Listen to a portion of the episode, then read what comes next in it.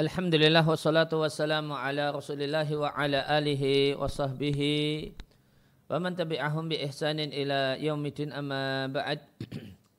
Kaum muslimin dan muslimah rahimani wa rahimakumullah. Kembali kita lanjutkan kajian kita berkenaan dengan makna dan kandungan bacaan-bacaan salat. Dari kitab Fatul Alim karya Syekh Husain Al-Awaisyah hafizallahu taala.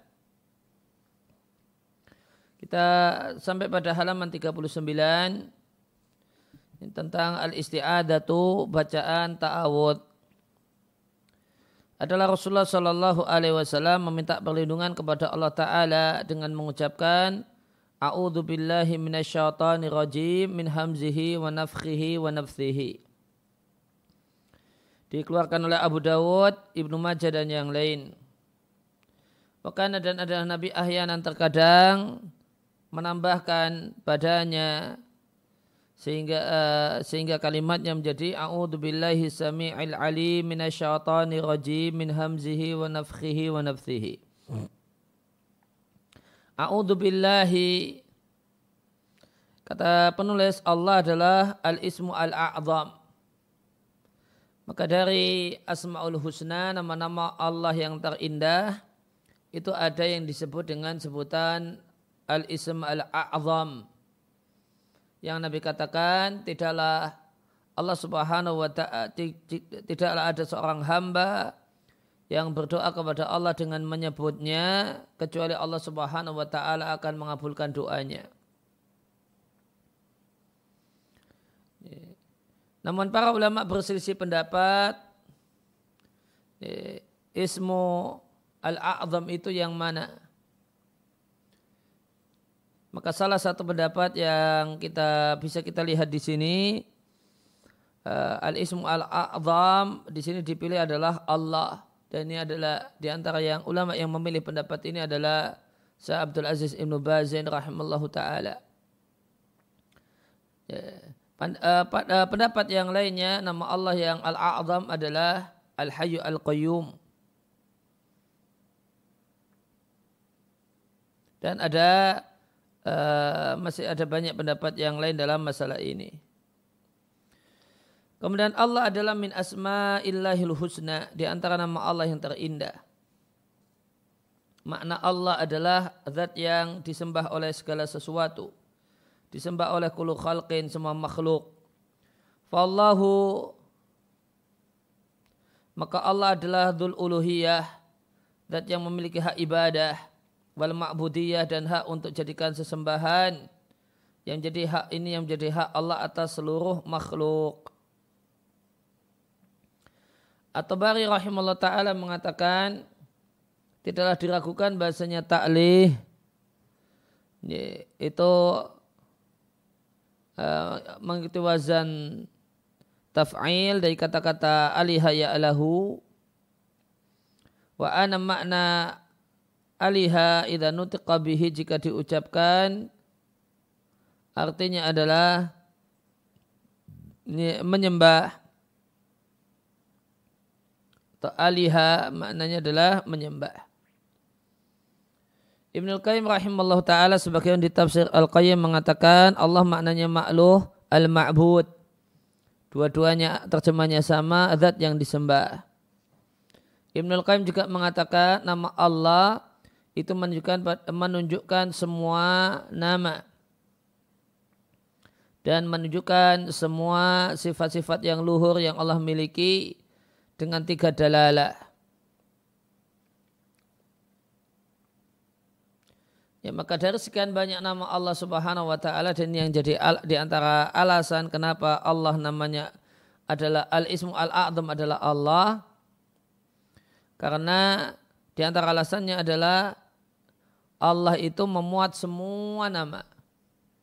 Sehingga nama-nama yang lain adalah sifat bagi nama Allah. Ar-Rahman, Ar-Rahim, Al-Aziz, Al-Hakim, Al-Wahab, dan seterusnya. Kemudian Allah itu menunjukkan pada semua nama dan semua sifat dengan tiga dalalah.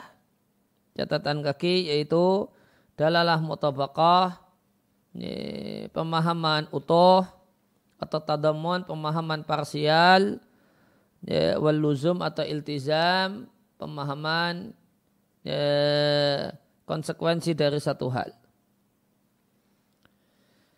Ya, karena nama Allah karena nama uh, ya, itu menunjukkan zat, menunjukkan nama dan mengandung sifat. Maka kalau secara dalalah mutabakah, ya, pemahaman yang utuh, ya, maka nama Allah menunjukkan zat, nama dan sifat. Ya, kemudian dengan dalalah tadamun atau parsial, pemahaman parsial, maka Allah itu menunjukkan pada sifat semata atau menunjukkan pada nama Allah semata.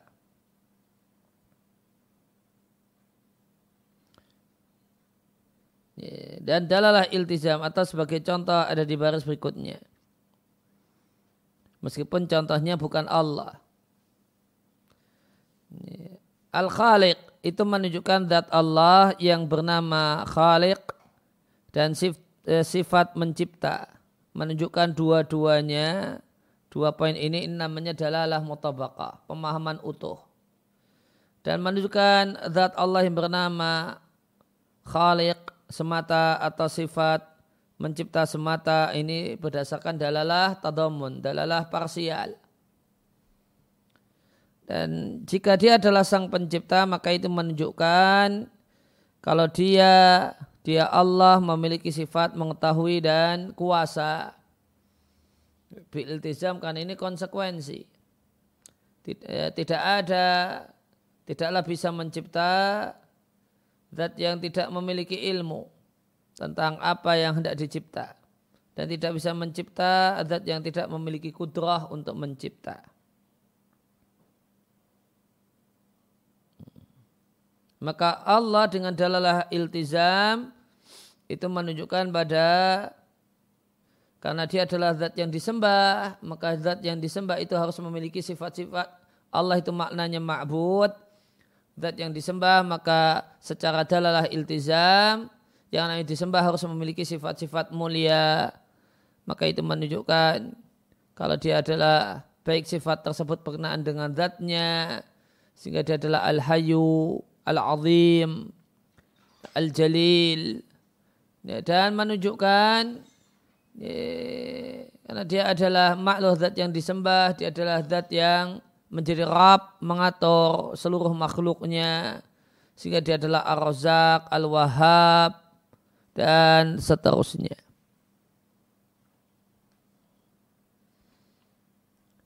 Halaman 41. Wal isti'adah maknanya adalah al-iltija berlindung kepada Allah Ta'ala dari kejahatan setiap yang memiliki kejahatan. Dalam bahasa Arab terdapat perbedaan antara iyadah dan liyad, liyadah. Ya, iyadah nanti ada turunannya berupa a'udhu. Maka iyadah itu lidaf isyari untuk mencegah keburukan sebelum terjadinya. Sedangkan liyadah aludhu itu artinya tola tola bijal bil khairi berusaha untuk mendatangkan kebaikan sebagaimana kata seorang penyair al mutanabi dia mengatakan yaman aludhu bihi wa yang aku aludhu bihi ya, aludhu dipakai untuk fima uamiluhu dalam hal-hal yang aku harapkan, yang aku angankan. Sehingga aludu ya berarti maknanya adalah aku meminta datangnya nikmat. Waman a'udhu bihi miman uhadirhu dan wahidat yang aku berlindung padanya dari orang-orang yang aku takuti. Ya, manu la yajburna manusia tidak bisa menambal azman tulang yang engkau patahkan. Wala yahiduna dan mereka tidaklah bisa mematahkan azman antajabiruhu. Tulang yang engkau uh, tambal.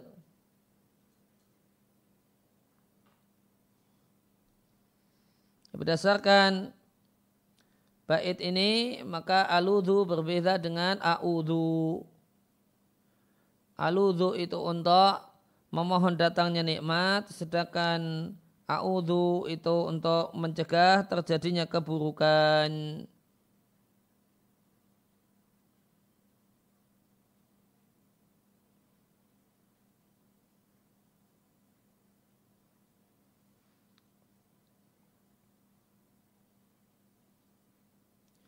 Ya, sehingga makna a'udzu billahi minasyaitonir rajim artinya astajiru aku minta perlindungan bijanabillahi kepada Allah. Janab makna asalnya adalah sisi. Namun di sini ya, lebih nyaman, lebih luas jika tidak kita terjemahkan. Aku minta perlindungan kepada Allah dari setan yang terkutuk supaya setan tidak bisa membahayakan agamaku dengan maksiat dan duniaku dengan berbagai macam keburukan atau menghalangiku menghalangiku untuk melakukan apa yang diperintahkan kepadaku dan eh, supaya dia tidak memotivasiku untuk melakukan apa yang aku dilarang untuk melakukannya. Karena setan tidak ada yang bisa mencegah setan dari mengganggu manusia kecuali Allah. Oleh karena itu Allah Ta'ala memerintahkan ya, karena setan ada dua macam, setan manusia dan setan jin. Kalau untuk setan manusia, maka Allah perintahkan kita untuk bimusona'ah wa mudarah. Ini, untuk uh, musona'ah mana asalnya adalah pura-pura, basa-basi, dan mudarah dan berbuat baik supaya menghindari kejahatan dari setan manusia. Maka cara menghindari kejahatan dari setan manusia adalah kita berbuat baik kepadanya.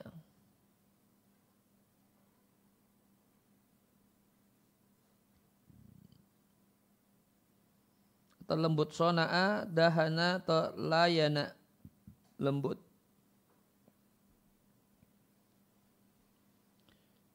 Biisda biisda'il jamili ilaihi. Dengan memberikan kebaikan dengan berbuat baik kepadanya. Untuk mengembalikannya. Kepada uh, kepada karakternya. Amma huwa dari keadaan dia sekarang minal ada yang mengganggu karakter manusia tidak suka mengganggu.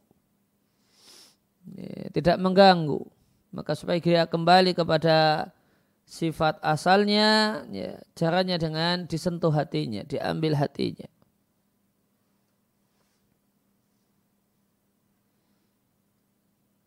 Dan yang dibolehkan berkenaan dengan hal ini adalah yang tadi kita baca mudarah.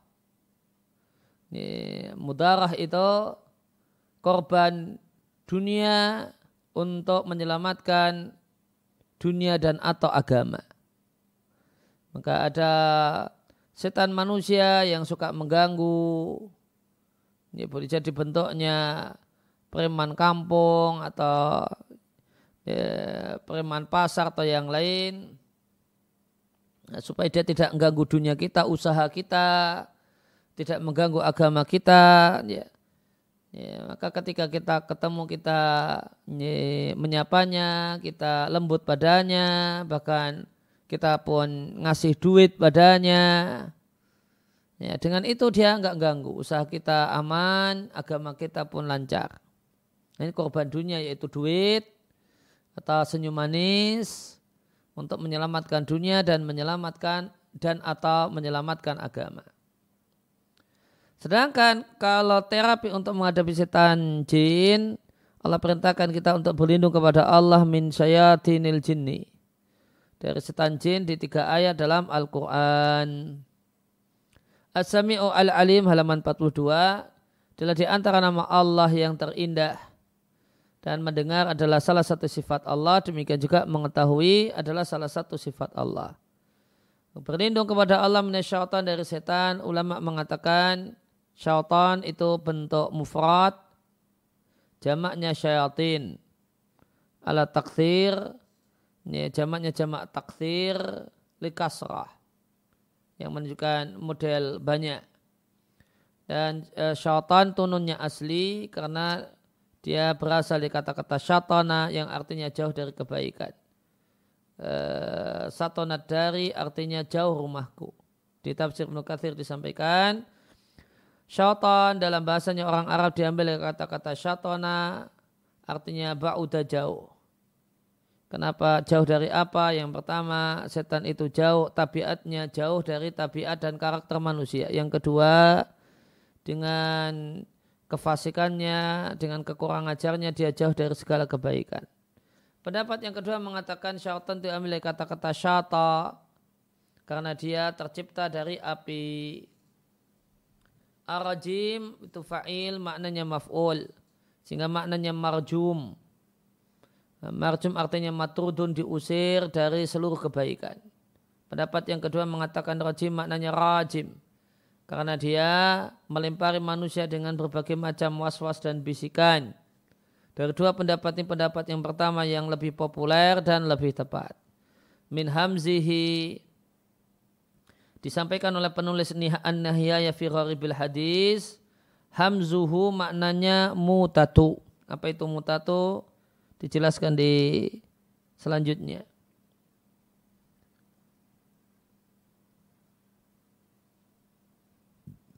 Dari kata-kata alhamzu, alhamzu itu maknanya an-nakhsu, yang menusuk, al-ghamzu, menyubit,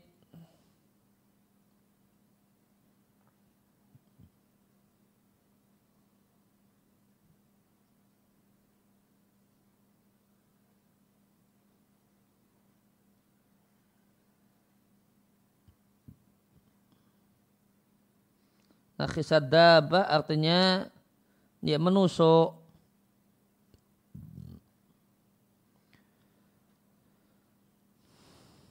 Sedangkan khamzu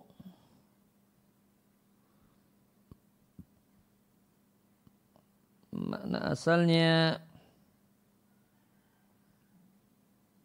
kalau untuk untuk mata itu artinya main mata, mengerling-erlingkan mata, untuk yang lainnya dhaghata alaihi bi usbu' menekan pakai jari. Menekan. Namun kullu syai'in dafa'tahu faqad uh, hamaztahu. Segala sesuatu yang kalian uh, segala sesuatu yang engkau dorong berarti boleh dibahasa Arabkan dengan hamastahu. Tadi disampaikan hamzihi maknanya adalah mutatu. Mutah artinya al-jununu. Gila. Al-hamzu aidan. Al-hamzu asalnya tadi menekan pakai jari, menusuk. Eh, sehingga namun bisa juga maknanya adalah menggunjing al-waqi'ah fi, uh, finnasi mencela orang lain dengan menyebutkan kekurangannya. Namun intinya yang kita pegangi uh, al-hamzu itu al-mutah. Al-mutah artinya al-jununu. Adapun makna-makna yang lain dalam konteks yang lainnya ya, ya sekedar ya, perlu diketahui. Di lisanul Arab disampaikan kata Abu Ubaid al-mutatu artinya al-jununu gila. Yang ditafsirkan di film Muhid bil jununi gila. Kenapa gila itu disebut dengan hamzus syaitan, tusukan setan, ya yahsulu min nakhsihi wa ghamzihi. Karena sebagian gila itu terjadi karena gila itu terjadi karena tusukan dan tusukan setan.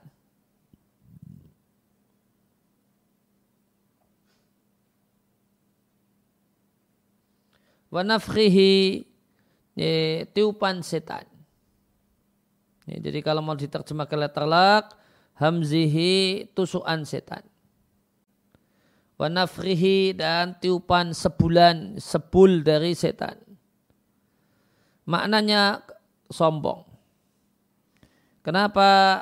Apa hubungan antara meniup dengan sombong? Ini ada penjelasan yang menarik. Nah, ternyata ada sambungannya. Li'anal mutakabir karena orang yang sombong itu ya ta'adhum merasa besar Dan kalau orang itu merasa besar, wa yajma'u nafasahu. Maka dia mengumpulkan napasnya. Fayahtaju ayan fukha. Maka dia perlu ini, meniup. Ini, perlu meniup supaya napas yang terkumpul di di dadanya karena dia merasa besar, ah, itu tersalurkan. Kalau nggak sesak nanti. Ini. Sebagaimana di bahasa Indonesia, di bahasa kita, orang yang kemudian sombong itu dikatakan bajunya sesak. Karena dadanya membesar. Ada banyak napas yang harus dikeluarkan nah, supaya normal. Supaya normal. Nah, maka nafkhihi. Dan Rasulullah Shallallahu Alaihi Wasallam menjelaskan tentang definisi sombong. Sombong itu ada dua macam. Sombong kepada Allah itu batrul haqi. Maknanya daf'uhu waradduhu. Menolak kebenaran waradu dan menolaknya. Yang kedua, sombong kepada manusia itu ghamtun nasi. Maknanya ihtikaruhu, merendahkan orang lain. Sebagaimana dalam hadis Abdul dari Abdullah bin Mas'ud radhiallahu anhu dari Nabi sallallahu alaihi wasallam di dalam masuk surga orang yang di dalam hatinya terdapat seberat darah. Darah itu maknanya semut kecil. Min kibirin berupa sombong. Ada seorang yang bertanya, ada orang yang suka pakaiannya bagus, sandal dan alas kakinya bagus. Maka Nabi Shallallahu Alaihi Wasallam menyampaikan, Inallah jamilun, Allah itu suka dengan keindahan dalam artian tajamul. Jamil di sini maknanya tajamul, yaitu berupaya agar uh, memiliki tampilan fisik atau lahiriah yang bagus. Ya. Inallah jamilun Allah itu zat yang indah yuhibul jamal. Allah mencintai al jamal. Jamal di sini maknanya tajamul, yaitu memperbarui, uh, memperbagus penampilan. Kemudian Nabi sampaikan definisi sombong. Al-kibaru sombong itu menolak kebenaran dan merendahkan orang lain. Halaman 44. Wal mutakabir dan orang yang sombong ingin membawa tinggi dirinya di hadapan Allah. Dengan menolak syariat dan agama. Dan perkataan yang benar dari kitabullah subhanahu dan sunnah rasulnya Sallallahu Alaihi Wasallam atau dia ingin tinggi lebih tinggi daripada uh, manusia yang lainnya sehingga dia mengolok-olok dan merendahkan orang lain dan mengejek orang lain. Ya, maka sombong itu perlu orang lain yang disombongi. Nah, di sini ter, ini di sinilah perbedaan uh, kiber atau sombong dengan ujub. Ujub itu orang itu terkagum dengan kecantikannya, terkagum dengan dirinya, kecantikannya, gagahnya, ilmunya, cerdasnya, gantengnya. Nah kalau orang ujub tidak perlu objek. Ini, orang tidak perlu objek. Tapi kalau sombong harus ada orang lain yang dia sombongi. Karena dia ya'lu ala nasi. Ini, karena bentuk sombong orang itu mengejek-ejek orang lain maka butuh orang lain.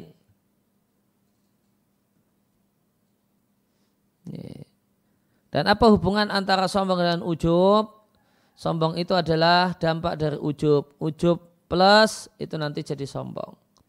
Ujub itu bangga dengan diri sendiri. Jika kemudian di, uh, ditambah unsur beranggapan orang lain itu rendah, nah, jadilah sombong. Kemudian dikutip firman Allah Ta'ala di surat Ad-Dukhan ayat yang ke-17 sampai 19.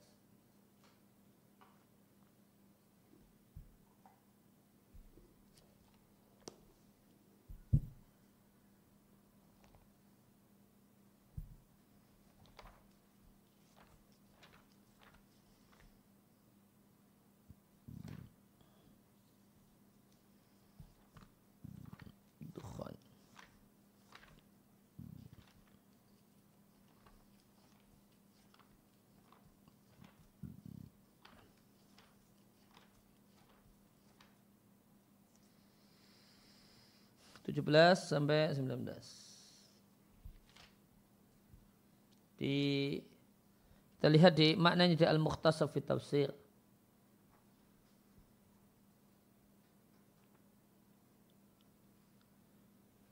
Sungguh kami telah menguji sebelum mereka kaumnya Fir'aun. Datang kepada mereka utusan dari Allah yang uh, utusan yang mulia dari Allah mengajak mereka untuk uh, mengisahkan Allah dan beribadah kepada Allah itulah Musa. Walaqad fatana qablahum kaum Fir'aun. Waja'ahu rasulun karim. Rasulun karim Musa. ayat uh, eh, 18. Musa berkata kepada Fir'aun dan kaumnya, tinggalkanlah, biarkanlah untukku Bani Israel, karena mereka ada hamba-hamba Allah. Kalian tidak punya hak untuk memperbudak Bani Israel. Sungguh aku adalah utusan Allah untuk kalian. Aku adalah seorang yang amanah atas apa yang Allah perintahkan kepada aku untuk aku sampaikan. Tidak aku kurangi dan tidak aku tambahi. An adu ilayya ibadallah. Adu dimaknai dengan biarkan. Ya, biarkan untukku. Biarkan bersamaku. Ibadallah maknanya Bani Israel. Wa ala ta'lu ala Allah ini atikum bisultanim mubin. Ya, ta'lu maknanya sombong. Janganlah kalian sombong kepada Allah dengan tidak mau beribadah kepadanya. Wal isti'la dan sombong dengan uh, dengan sesama uh, dengan sesama manusia. Aku datang kepada kalian bihujjatin wadihatin. Sultan maknanya hujah. Dengan uh, hujah yang jelas. Dan perlu diketahui uh, Ibn Abbas menjelaskan semua kata-kata sultan dalam Al-Quran artinya hujah. Tanpa ada perselisihan kecuali di satu ayat. Halaka anni sultaniyah.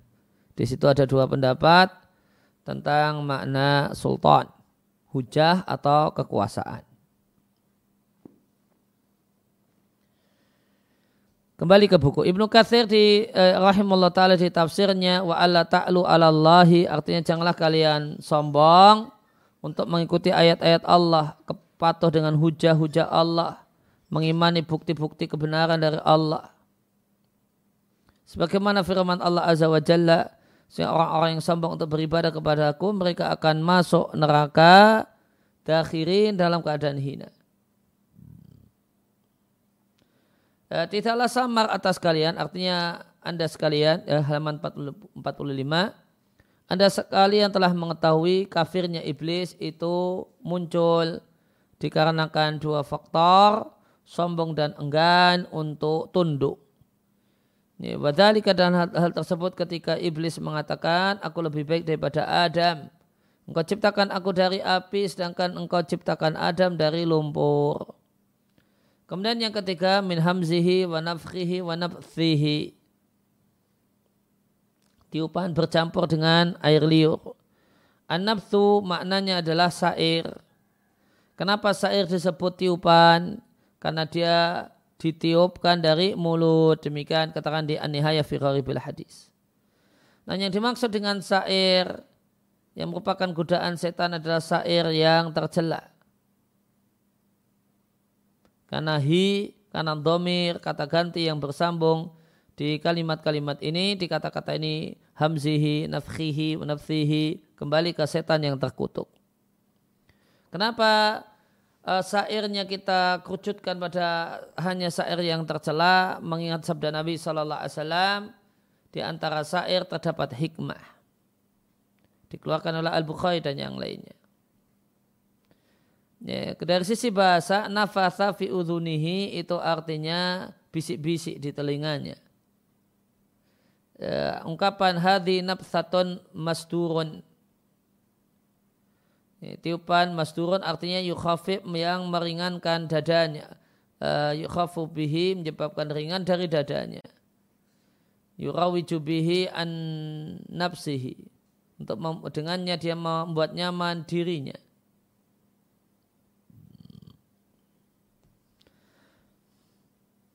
Dan di antara hal yang digunakan setan untuk melariskan untuk menyenangkan dirinya dia sesatkan seorang muslim.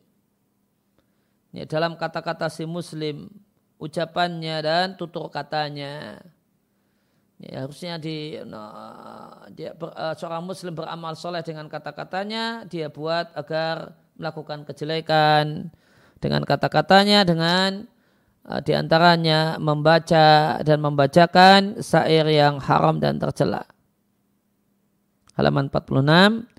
Ibnu Qayyim rahimahullah taala uh, ketika menjelaskan firman Allah taala min syarri nafatsati fil uqad dia mengatakan kejelekan di sini ada kejelekan sihir karena nafatsati fil uqad adalah wanita wanita-wanita tukang sihir yang membuat ikatan dari benang kemudian ditiup ya, dan memberikan tiupan bercampur air liur di setiap ikatan sehingga terbentuklah mayurdena minas sihri, sihir yang diinginkan oleh nenek sihir ini. Dan anabtu itu anafhu, meniup namun dicampur dengan air liur.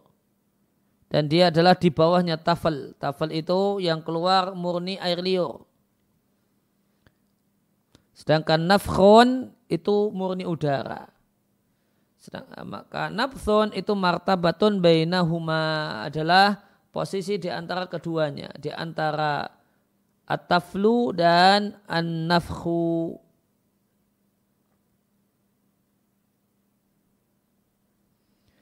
Al-isti'adah dan minta perlindungan dari hamzi, nafkhi dan nafsi adalah memohon perlindungan mikuli syarin dari, eh, dari segala kejelekan.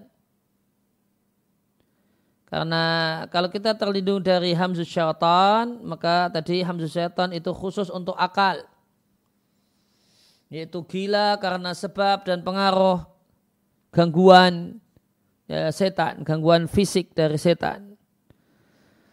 Dan kita minta perlindungan dari nafkhi, tiupan setan, ini khusus untuk diri. Jangan sampai merasa sombong.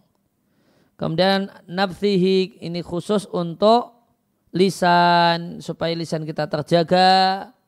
Kita minta pada Allah agar lisan kita terjaga dari hal-hal yang terlarang. Wallahu taala a'lam. Maka nafsi minta perlindungan uh, minta agar akal dilindungi, nafsi minta agar uh, diri kita dilindungi dari sifat-sifat diri yang jelek. Di antaranya yang paling uh, termasuk yang paling berbahaya adalah sombong dan nafsi minta perlindungan lisan kita dan lidah kita supaya tidak bertutur kata yang terlarang. Ya, setelah istiadah, kemudian membaca Al-Fatihah di halaman 47. Dan adalah Rasulullah Sallallahu Alaihi Wasallam yakra'u membaca Bismillahirrahmanirrahim. Dan termasuk bagian yang cukup panjang di buku ini, nah, tafsir suratul Fatihah.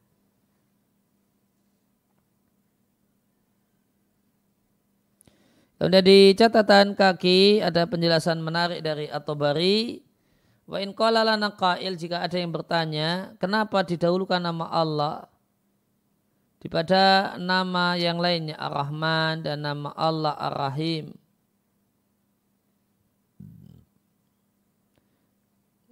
Maka kenapa Allah didahulukan daripada nama Allah Ar-Rahman dan kenapa Ar-Rahman didahulukan daripada ya, nama Allah Ar-Rahim?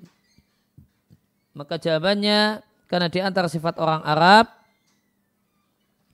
jika mereka menginginkan untuk menceritakan anan mukhbar anhu sesuatu maka mereka akan dahulukan namanya.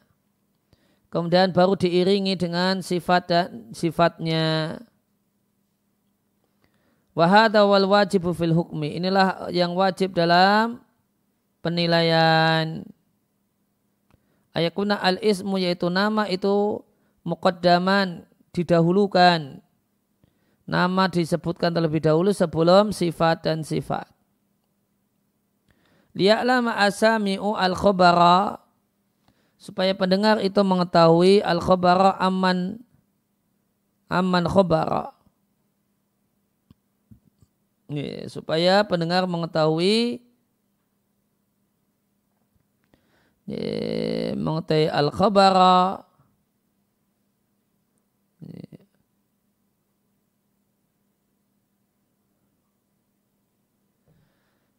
Di sini kemudian mengetahui mana sifat dan mana pemilik sifat. Faidakana kadalik maka jika demikian Wa kana lillahi dan Allah jalla dikruhu itu memiliki banyak nama. Yeah.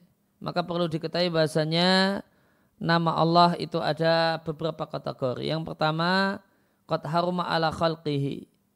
Haram atas makhluk bernama dengan namanya. Karena Allah khususkan nama tersebut untuk dirinya. Dunahum tidak boleh dipakai oleh makhluk. Contohnya Allah, kemudian Ar-Rahman, Al-Khaliq. Kemudian yang kedua, nama yang Allah mubahkan bagi makhluk untuk sebagiannya memberi nama yang lainnya dengannya. Contohnya Rahim, Sami' Basir, Karim, wa ma dalika minal asma'i dan nama-nama yang lainnya. Ya karena al-wajib maka yang menjadi kewajiban adalah mendahulukan nama yang merupakan nama khas Allah yang tidak dimiliki oleh semua makhluknya supaya pendengar mengetahui hal itu. Dia arifa asami dalika min uh, man tawajja ilai alhamdu wa tamjidu. Mengetahui hal itu yaitu mengetahui zat yang pujian dan pengagungan tertuju padanya. Sumayat ba'udzalika kemudian baru diiringi dengan nama yang bisa digunakan untuk selain Allah Subhanahu wa taala ba'da ilmil mukhatabi setelah yang diajak bicara mengetahui atau pendengar mengetahui man siapakah zat yang uh, tawajah ilaihi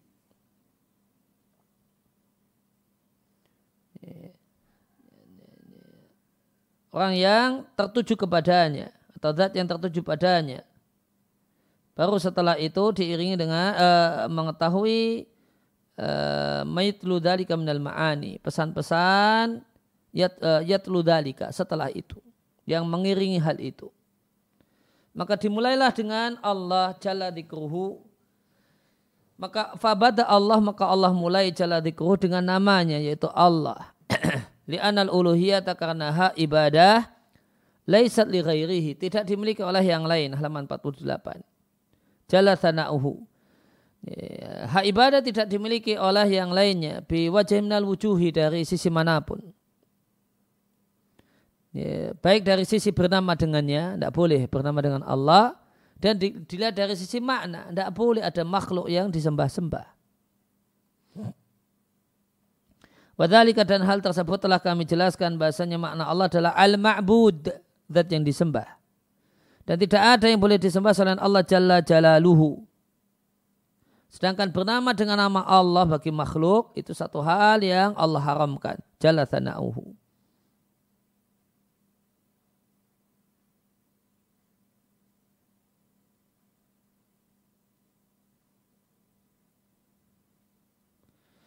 Ya, maka kalau untuk uh, nama Allah ya, nama Allah maka Allah haramkan dipakai oleh makhluk apa pun tujuannya.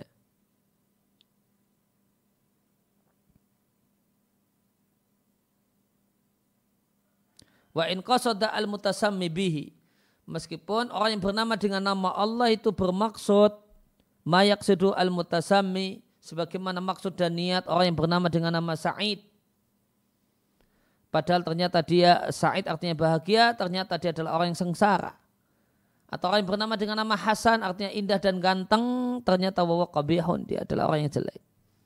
Apa niat orang yang bernama Sa'id padahal dia orang yang sengsara? bergelar Sa'id pada dia orang yang sengsara? Jawabannya nama di situ sekedar sebagai penanda. Penanda saja. Pengenal saja. Oh itu namanya Sa'id. Tidak uh, tidak kemudian bernama dan bergelar karena itulah keadaannya.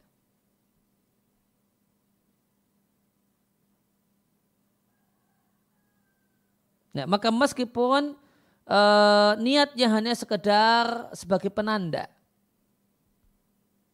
Ya, dalam bahasa Indonesia ya, ya, dalam bahasa Indonesia dari sudut pandang bahasa Indonesia orang itu kita kasih gelar, gelar tertentu itu ada dua uh, ada dua motivasi. Ada orang yang kita gelar kasih kita ya, kita kasih gelar seperti itu karena itulah keadaannya. Ya, karena itulah keadaan dirinya dan sifatnya. Misalnya dia buta, kemudian kita kasih gelar si buta. Ini dari gua hantu atau dari gua yang mana gitu ya. Namun kenapa dia diberi gelar si buta? Karena itulah keadaannya buta. Hmm. Ada yang kita kasih gelar, ah, gelar itu dalam bahasa Arab termasuk nama. Ini. Sang jagoan. Ada orang yang memang jagoan. Ya, ada orang yang sifatnya keadaan dirinya jagoan, kemudian diberi dia menggelari dirinya atau diberi gelar oleh lingkungannya sang jagoan. Hmm. Nah, dalam bahasa Jawa bejo itu artinya untung. Ya. Maka ada orang yang uh, dia untung, dia untung, bisnisnya untung, apa-apanya untung. Akhirnya dia menamai dirinya atau lingkungannya menggelarinya dengan gelar si bejo. Itu tujuan itu motivasi yang pertama.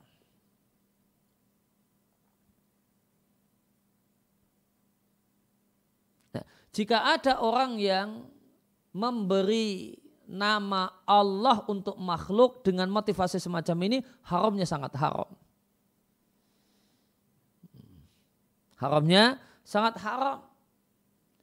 Ya, jadi dia menilai bahasanya orang ini berhak untuk disembah. Nah, maka dia menilai keadaan orang ini berhak untuk dengan keadaannya dia layak cocok untuk jadikan sesembahan. Nah, terus kemudian digelari Allah.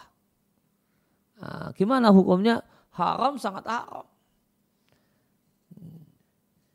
Karena dia eh, kemudian yang kedua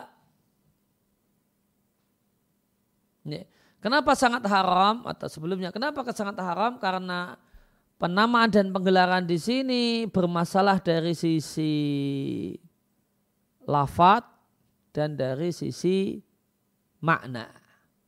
Makna dalam hal ini adalah motivasi kenapa uh, memberi nama dan gelaran seperti itu. Kemudian yang kedua, pemberian gelar itu ditujukan bukan seperti yang pertama menimbang itulah keadaan realnya. Enggak, cuma sekedar untuk uh, untuk penanda saja. Kalau orang itu panggil dengan ini. Hmm, panggil dengan itu. Contohnya tadi, bejo kan untung. Ada orang yang dia sebenarnya tidak untung. Dia malah sering rugi daripada untungnya. Hidupnya penuh dengan kerugian. Namun sama teman-temannya dia dikasih nama Bejo. Oh, Bejo datang. Ya, yuk ke rumah Bejo yuk. Nah, gitu.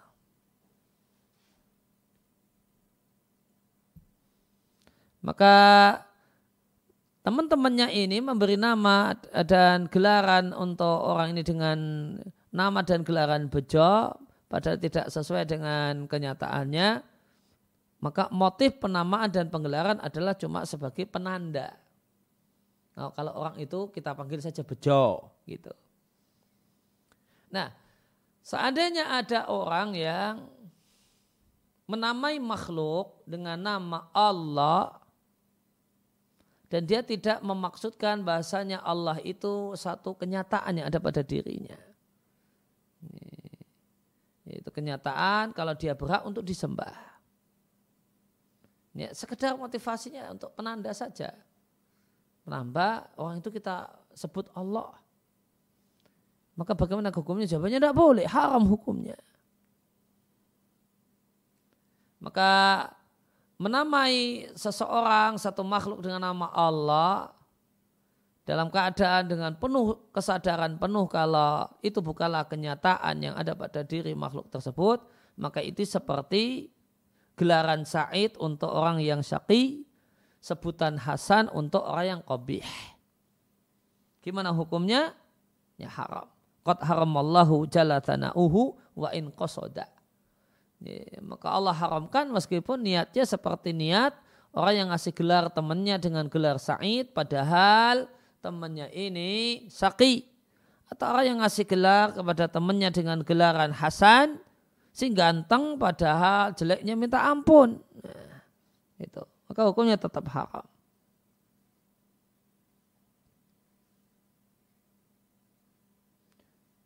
Awala tara tidakkah anda saksikan?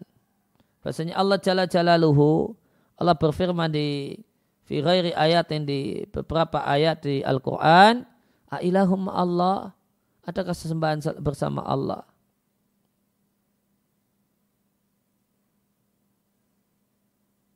Maka Allah sombong minal mukiribihi mengakui adanya sesembahan bersama Allah.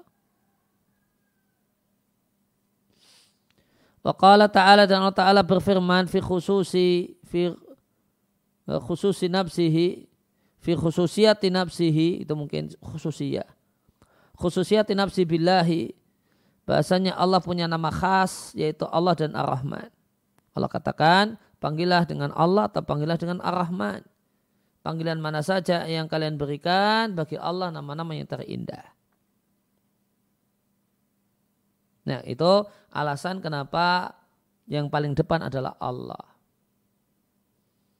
Nah, setelah Allah baru Ar-Rahman, summa thanna bismihi. Kemudian nomor dua, Allah nomor dua kan namanya yaitu Ar-Rahman.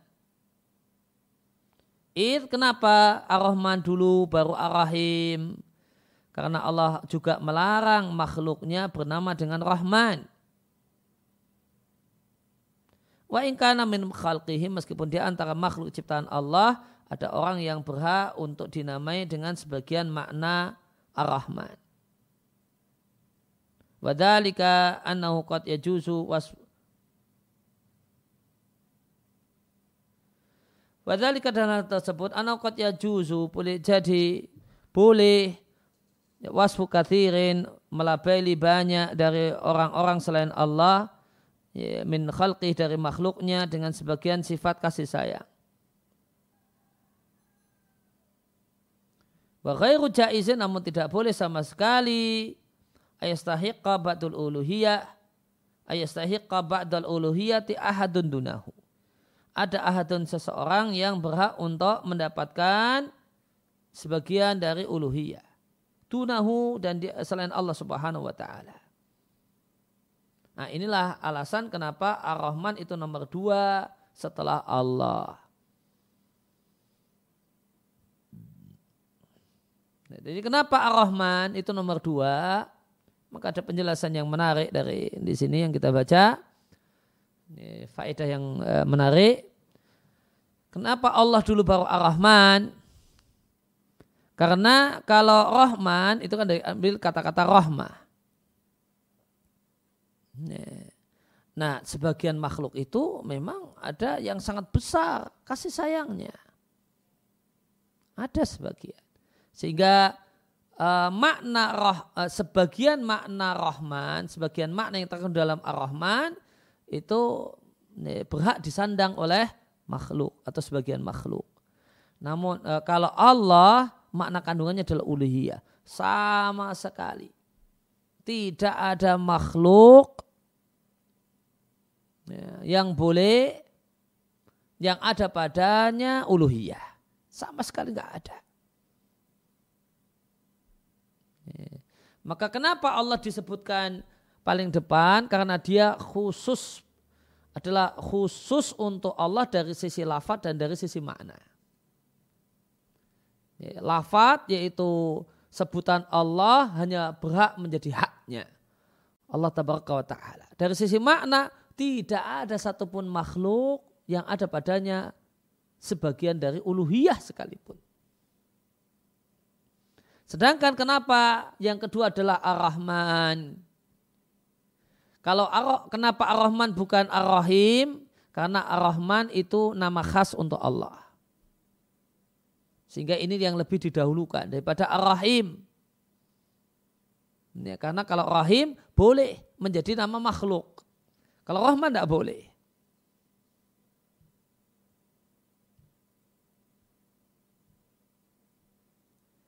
Ya, kenapa e, meskipun kalau dari sisi makna, ya, dari sisi makna, ya, maka sebagian makhluk itu ya, karena rahman dan rahim itu akarnya sama yaitu rahmat. Ya, sebagian makhluk itu berhak untuk mendapatkan uh, label punya sifat rahmat kasih sayang. Jadi kenapa Allah disebut lebih dahulu daripada rahman dan ar-rahim? Karena dua sisi sisi lafat dan sisi makna. Yang dimaksud makna adalah kenyataan jadi sifat. Kenapa setelah Allah kemudian Ar-Rahman bukan Ar-Rahim maka disebabkan sisi lafat. Karena dia adalah khas uh, khas untuk Allah Subhanahu wa taala. Maka kenapa Ar-Rahman itu nomor dua? Karena sisi lafaz dan sisi makna. Kenapa Ar-Rahman itu nomor dua? Karena sisi lafaz dan sisi makna. Dari sisi lafaz, karena Rahman itu nama khas Allah Subhanahu wa taala. Dari sisi makna, ya, karena rahmah itu tidak menjadi kekhasan Allah Subhanahu wa taala. Lain halnya dengan uluhiyah itu jadi kekhasan Allah Subhanahu wa taala. Kalau rahmat yang merupakan makna yang terkandung dalam rahman tidak menjadi kekhasan Allah Subhanahu wa taala. Ada makhluk yang punya rahmah dan kasih sayang yang besar. Jadi nomor dua, rahman itu nomor dua dari dua sisi. Dari sisi lafat dan dari sisi makna. Sedangkan Kenapa Ar-Rahman itu nomor dua sebelum Rahim? Sebelum Ar-Rahim, maka e, tinjauannya adalah karena tinjauan lafat dan bukan tinjauan makna. Yaitu Rahman itu nama khas Allah, sedangkan Rahim bukan nama khas Allah Subhanahu wa taala. Kalau dari sisi makna sama. Karena semuanya dua-duanya dari kata dari kata rahmah yang artinya kasih sayang. Ya, ini faedah yang menarik, uh, analisis yang dalam yang disampaikan oleh Al-Imam At-Tabari rahimallahu rahmatan wasi'ah.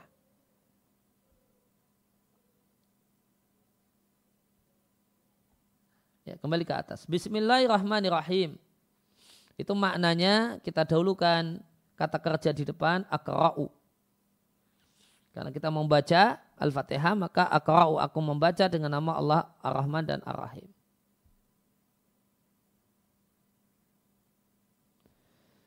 Atau maknanya akra'u mubtadi'an. Aku membaca dimulai bitasmiyatillahi dengan menyebut Allah. Atau abtadi'u kiraati. Ini. Aku memulai pembacaanku bitasmiyatillahi dengan menyebut Allah.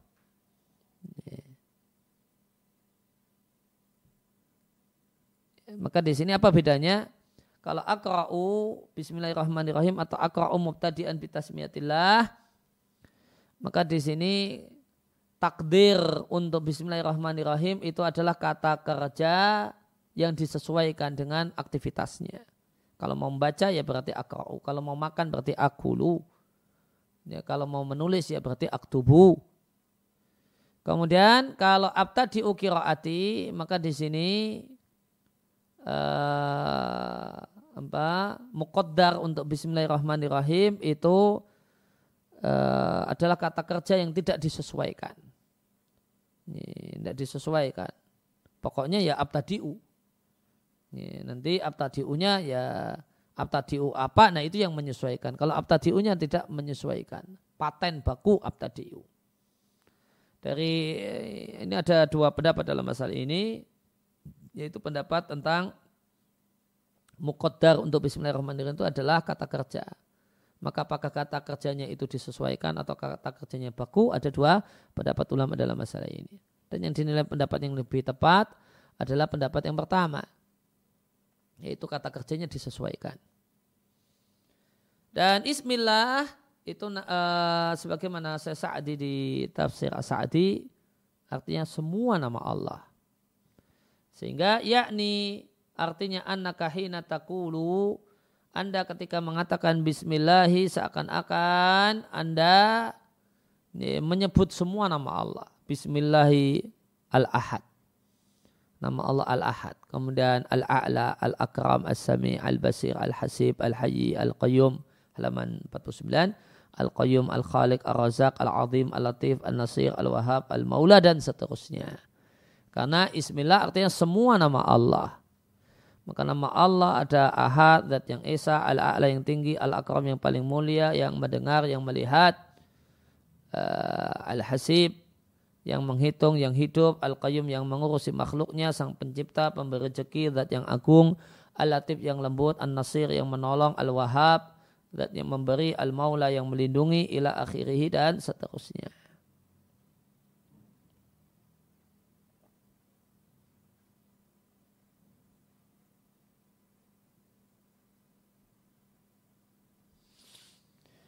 Kemudian halaman 50.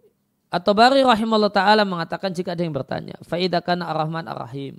Jika nama Allah ar-Rahman dan ar-Rahim adalah dua nama yang diambil dari akar kata yang sama itu kasih sayang. Fama wajuh takriri dhalika. Maka apa alasan? Wajuh bisa maknanya alasan. Apa alasan e, dua, e, pengulangan ini, pengulangan e, pengulangan hal ini Rahman diulangi dengan Ar-Rahim. Padahal salah satu dari keduanya sudah bisa mewujudkan makna dari nama yang lain. Kan pakai Ar-Rahman juga sudah mengandung Rahim.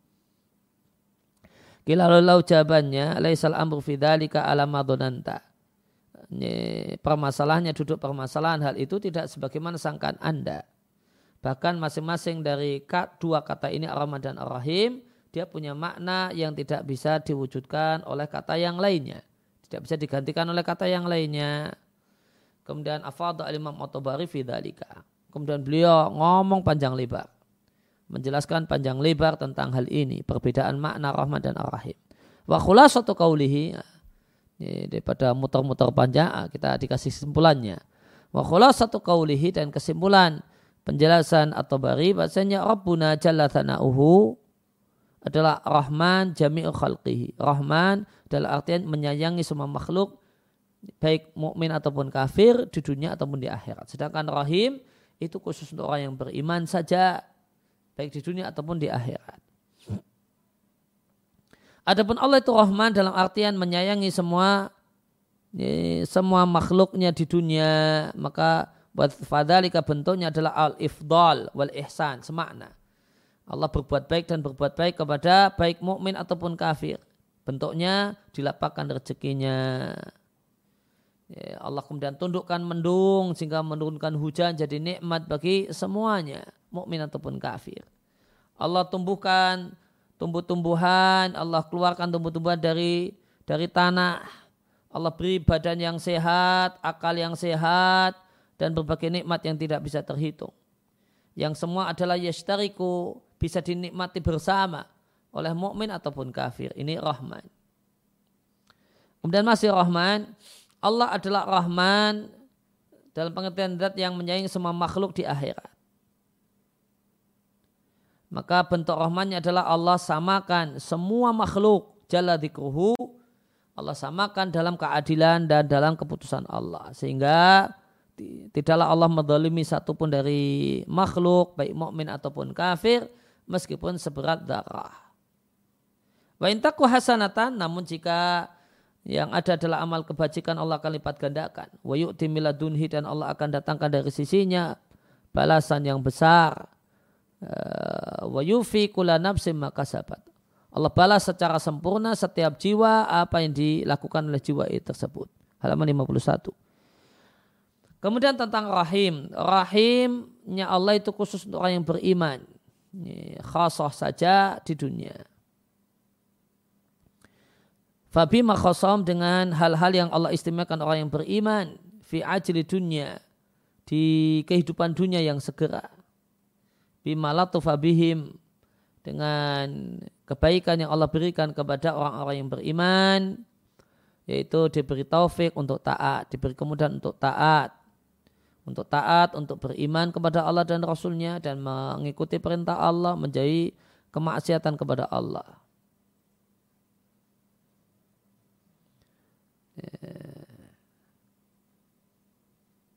Sehingga dan ini nikmat ini tidak diberikan kepada man asroka bihi fakafara. Orang yang menyekutukan Allah dan kafir kepada Allah. Maka mereka-mereka ini khodal anhu. Allah tidak memberikan taufik kepadanya. Wa khalafa ma'amarabihi. Ini tidak didapatkan, taufik ini tidak didapatkan oleh orang yang menyelisih perintah Allah dan memilih untuk melakukan maksiat kepada Allah.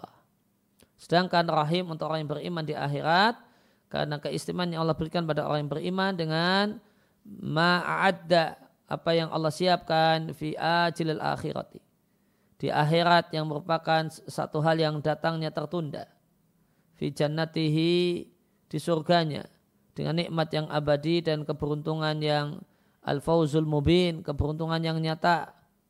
Duna tidak didapatkan oleh man asyroka nikmat ini tidak didapatkan oleh orang yang menyekutukan Allah wa kafarabi dan kafir kepada Allah. Itu eh, makna atau penjelasan tentang Bismillahirrahmanirrahim. Ya, demikian yang kita eh, baca dan kita eh, telah kesempatan kali ini. Wassalamualaikum warahmatullahi wabarakatuh. Wa da'wana.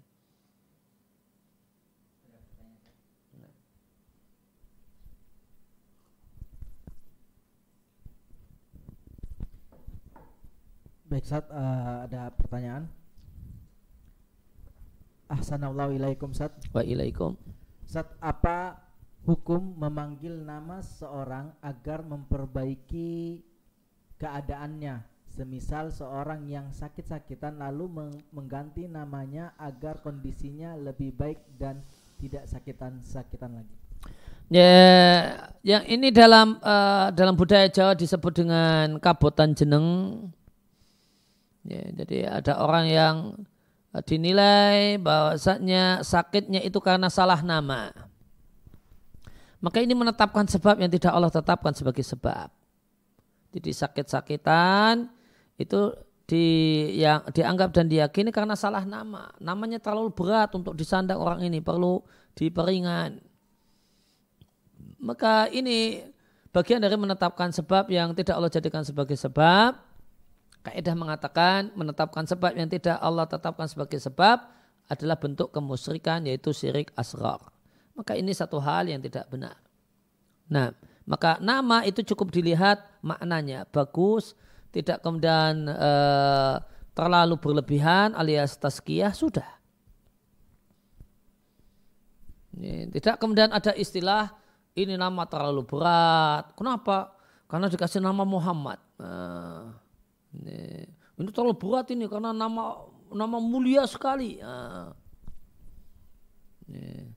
Akhirnya sakit-sakitan. Nah, supaya nggak sakit-sakitan ganti nama ya, Petro gitu nah, enteng kalau Petro ya sehingga wah, kemudian nggak sakit-sakitan maka ya, menimbang penggunaan nama dengan hal semacam ini satu hal yang tidak benar timbangannya adalah maknanya benar tidak termasuk nama yang terlarang karena terlalu uh, berlebihan dalam memuji atau nama tezkiyah sudah setelah itu sudah nah setelah itu tawakal pada Allah Subhanahu wa taala.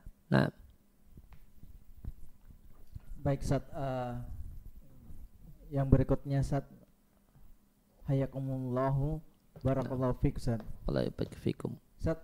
Apa yang semestinya dilakukan apabila ketika sholat ada sisa makanan yang tersisa di dalam mulut dan cukup mengganggu kekhusukan sebelumnya sudah gosok gigi. Ya diambil kemudian dimasukkan ke apa kantong ke apa? Ya, ya, ya kantong saku. Nah. Baik saat yang berikutnya Assalamualaikum warahmatullahi wabarakatuh. Waalaikumsalam warahmatullahi wabarakatuh. Saat bila penamaan anak pakai nama Abdurrahman, Abdullah atau Abdillah, apakah boleh panggil nama dengan sebutan Rahman, Abdul atau Abdil? Barakallahu. Kalau Rahman tidak boleh. Kalau Abdul boleh. Nah. Baik, Sat. Yang berikutnya, Barakallahu fiik, Sat. Wallahi barik fikum. Apakah dianjurkan untuk memulai segala sesuatu dengan bismillah, Sat? Segala sesuatu yang penting, yang bagus bisa dimulai dengan bismillah. Dianjurkan, kata para ulama dianjurkan untuk dibuka dengan bismillah. Karena nama Allah uh, sebelum melakukan sesuatu adalah sebab keberkahan. Nah. Baik, Sat, yang berikutnya. Assalamualaikum, Sat. Waalaikumsalam warahmatullahi. Sat, bagaimana hukumnya memberi nama masjid Ar-Rahman, sekolah Ar-Rahman dan yayasan Ar-Rahman? Jazakumullah khair. Yang tepat masjid kasih nama Baitur Rahman. Ini. Kemudian uh, sekolahnya dikasih nama sekolah Ibadur Rahman. Ya, yayasannya dikasih nama Yayasan Ibadur Rahman, hamba-hamba Allah Ar-Rahman. Nah. Baik saat yang berikutnya yang terakhir saat dalam kesempatan kali ini. Assalamualaikum warahmatullahi wabarakatuh. Waalaikumsalam warahmatullahi wabarakatuh. Saat apakah suami boleh menolak istri yang mengajak rekreasi? Apakah termasuk hak istri ingin dipenuhi keinginan rekreasi ditemani suami? Barakallahu fiksat. Maka yang Allah perintahkan adalah wa asiruhunna bil ma'ruf. Pergaulah istri dengan baik. Ya, maka di antara pergaulan istri yang baik, ya kalau sudah lama ada diajak jalan-jalan, ya kemudian dia minta jalan-jalan, ya dipenuhi. Itu di antara bentuk ya, muasarah bil ma'ruf, pergaulan yang baik. Sudah setahun nggak pernah jalan-jalan misalnya. Sekarang kemudian usul mas yuk jalan-jalan yuk ke pantai yuk. Maka bentuk mu'asar bil ma'ruf adalah mengiyakannya. Tapi kalau kemudian uh, ini hari Ahad ya, Ahad kemarin sudah jalan-jalan. Dua Ahad sebelumnya juga sudah jalan-jalan ke pantai ya. Kemudian uh, kemudian uh, Ahad sebelumnya lagi juga sudah makan-makan di uh, restoran mewah. Uh, kemudian uh, ahad ini kemudian minta jalan-jalan ke Merapi, gitu ya. maka nolak ndak ndak mengapa. Ya, dengan tentu dengan uh, komunikasi yang baik disampaikan ya. Kalau setiap ahad jalan-jalan ya ditekor di kantong deh gitu kan. Ya, tekor di kantong ya. Ya jalan-jalannya ya iya tapi ya jangan jangan sering-sering gitu. Ya seperlunya secukupnya gitu. Nah, Demikian subhanakallahumma wa bihamdika asyhadu an la ilaha illa anta astaghfiruka wa atubu ilaik.